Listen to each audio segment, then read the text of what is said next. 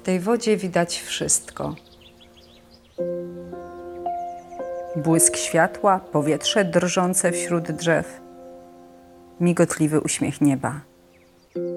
I właśnie gdzieś tam, pośród kobaltu, lazurytu, fioletu, gdzieś tam, wśród dryfujących po stawie rozłożystych liści, między jednym refleksem a drugim, bieleją wodne kwiaty o szkarłatnym sercu. Przeciekają z jeziora wprost na płótno malarza, Claude'a Moneta.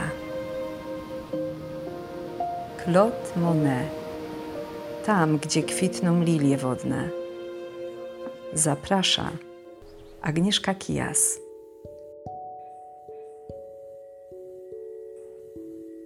Claude Monet to jest ten malarz, który namalował słynny obraz Impresja Wschód Słońca i właśnie od tego tytułu wzięła się nazwa całego nowego kierunku w sztuce impresjonizmu. Szerzej opowiadałam o tym w audycji poświęconej impresjonistom, oczywiście na moim podcastowym kanale, dawno temu w sztuce i jeśli jeszcze jej nie słuchałeś, to oczywiście serdecznie Ci polecam tę audycję, no bo historia jest dość zabawna. Jednocześnie zapraszam Cię na mój facebookowy fanpage, gdzie publikuję mnóstwo ciekawostek, felietonów i opowieści ze świata wielkiego malarstwa. A co więcej, tam także możesz zgłosić temat kolejnej audycji, bo przykładowo ten podcast jest efektem rozmowy, jaką przeprowadziłam z słuchaczem Andrzejem Dębończykiem, którego z tego miejsca serdecznie pozdrawiam i któremu dedykuję opowieść o ogrodach Claude'a Moneta. No właśnie, Wróćmy do Moneta, do jego ogrodów, a konkretnie do ukochanych kwiatów artysty, do nenufarów, czyli inaczej mówiąc, lilii wodnych. Bez wątpienia stały się one największą obsesją artysty i powstał cały cykl prac, który liczy około 250 obrazów. Monet poświęcił nenufarom 30 lat życia i można powiedzieć, że gdy już zaczął je malować, no to nie potrafił skończyć. No dobrze, Czyli mamy obsesję. Ale skąd się ona wzięła? Jak to wszystko się zaczęło? Tragicznie. Od śmierci. Trzeba czuwać przy niej bezustannie, reagując na każdą prośbę z nadzieją, że choć trochę uśmierzy się jej ból. Najsmutniejsze jest to, że nie zawsze jesteśmy w stanie zaspokoić jej potrzeby z powodu braku pieniędzy. Nie maluję już od miesiąca. Skończyły mi się farby, ale to nic. W tej chwili przeraża mnie tylko to, że życie mojej żony jest zagrożone. Widzę, jak bardzo się męczy, a ja w żaden sposób nie mogę jej ulżyć. Camille, ukochana pierwsza żona Claude'a Moneta, umarła niedługo po tym, jak napisał te słowa.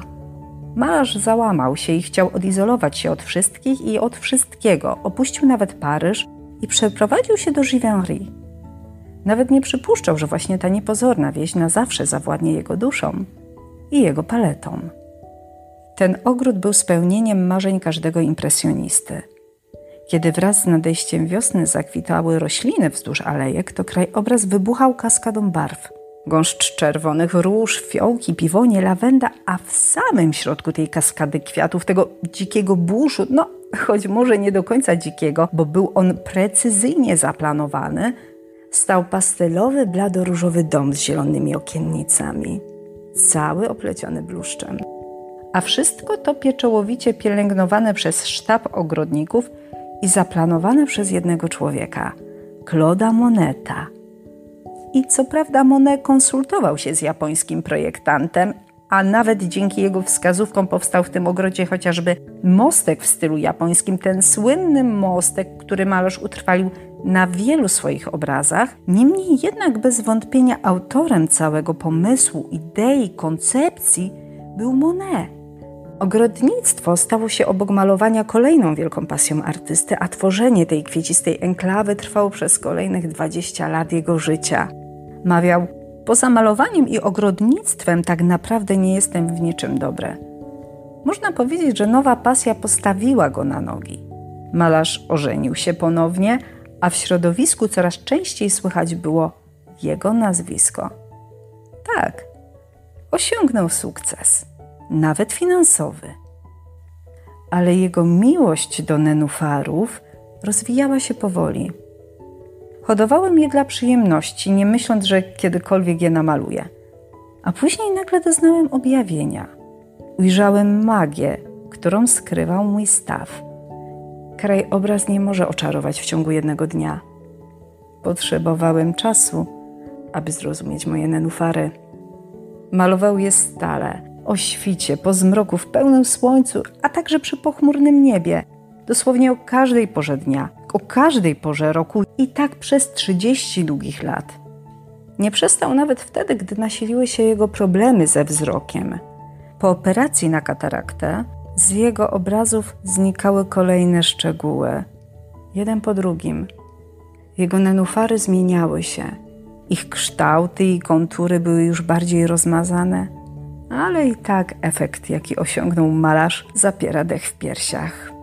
I o tym możecie przekonać się sami, i to w dodatku nie ruszając się z domu, ponieważ za sprawą internetu możemy przenieść się do Muzeum Oranżerii w Paryżu i właśnie tam podziwiać największe dzieło artysty. Osiem gigantycznych płócien, a wszystkie jak jedno przedstawiają unoszące się na wodzie nenufary. Zresztą w minione wakacje sama miałam okazję tam być i muszę przyznać, że jest to wyjątkowe doświadczenie, niemal metafizyczne doznanie, bo tak naprawdę nie patrzymy na jeden obraz, a na ciągnący się w nieskończoność ogród. Miałam wrażenie, że jestem w obrazie, takim bez początku i końca. Wystarczy lekko przechylić się przez ramę, wyciągnąć rękę i niepostrzeżenie zerwać kołyszący się na wodzie kwiat lilii. Obrazy eksponowane są w dwóch salach, po cztery w każdej, a ściany w nich są białe, ascetyczne, a same malowidła są ogromne, strojne. Mają dwa metry wysokości, a artysta tworzył je w specjalnie wybudowanym do tego celu atelier. Są dodatkowo tak specjalnie zakrzywione, zagięte, żeby pasowały do owalnych ścian. Nenufary podświetlone są z góry i dokładnie w taki sam sposób były podświetlone w pracowni Moneta. Co ciekawe, całkiem niedawno te wyjątkowe arcydzieła zostały starannie przebadane, a wynik analizy zaskoczył. Okazało się, że Claude Monet, jeden z najwybitniejszych przedstawicieli impresjonizmu, pod koniec życia malował w stylu akademickim. Tak, akademickim, choć zapewne wiele osób, patrząc na te schyłkowe, rozmazane nenufary, bardziej doszukałoby się w nich zapowiedzi abstrakcjonizmu. A tu jednak nie.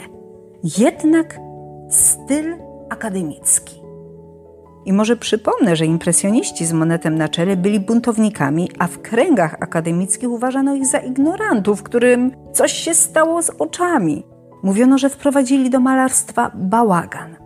A jednak Monet, podobnie jak starzy mistrzowie, pracował na białym podkładzie, używał tradycyjnych farb, w tym trującej bieli ołowiowej, a także wbrew swej impresjonistycznej naturze nakładał farbę w klasyczny sposób, czyli czekał aż jedna warstwa wyschnie, a dopiero potem rozprowadzał drugą. Nad nenufarami pracował do ostatnich dni swojego życia. Twierdził, że malowanie ich było czystym szaleństwem.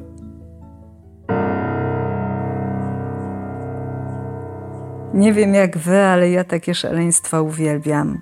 Podobnie jak muzykę Hani Derey, młodej kompozytorki z Tychów, która gra specjalnie dla nas. Przypomnę jeszcze, że ta audycja powstała z inspiracji słuchacza Andrzeja Dębończyka, którego serdecznie pozdrawiam. Jeżeli Ty również chciałbyś, żebym opowiedziała o Twoim ulubionym obrazie, to nie ma nic prostszego. Wejdź na mój facebookowy fanpage Dawno temu w sztuce i napisz do mnie. Do usłyszenia.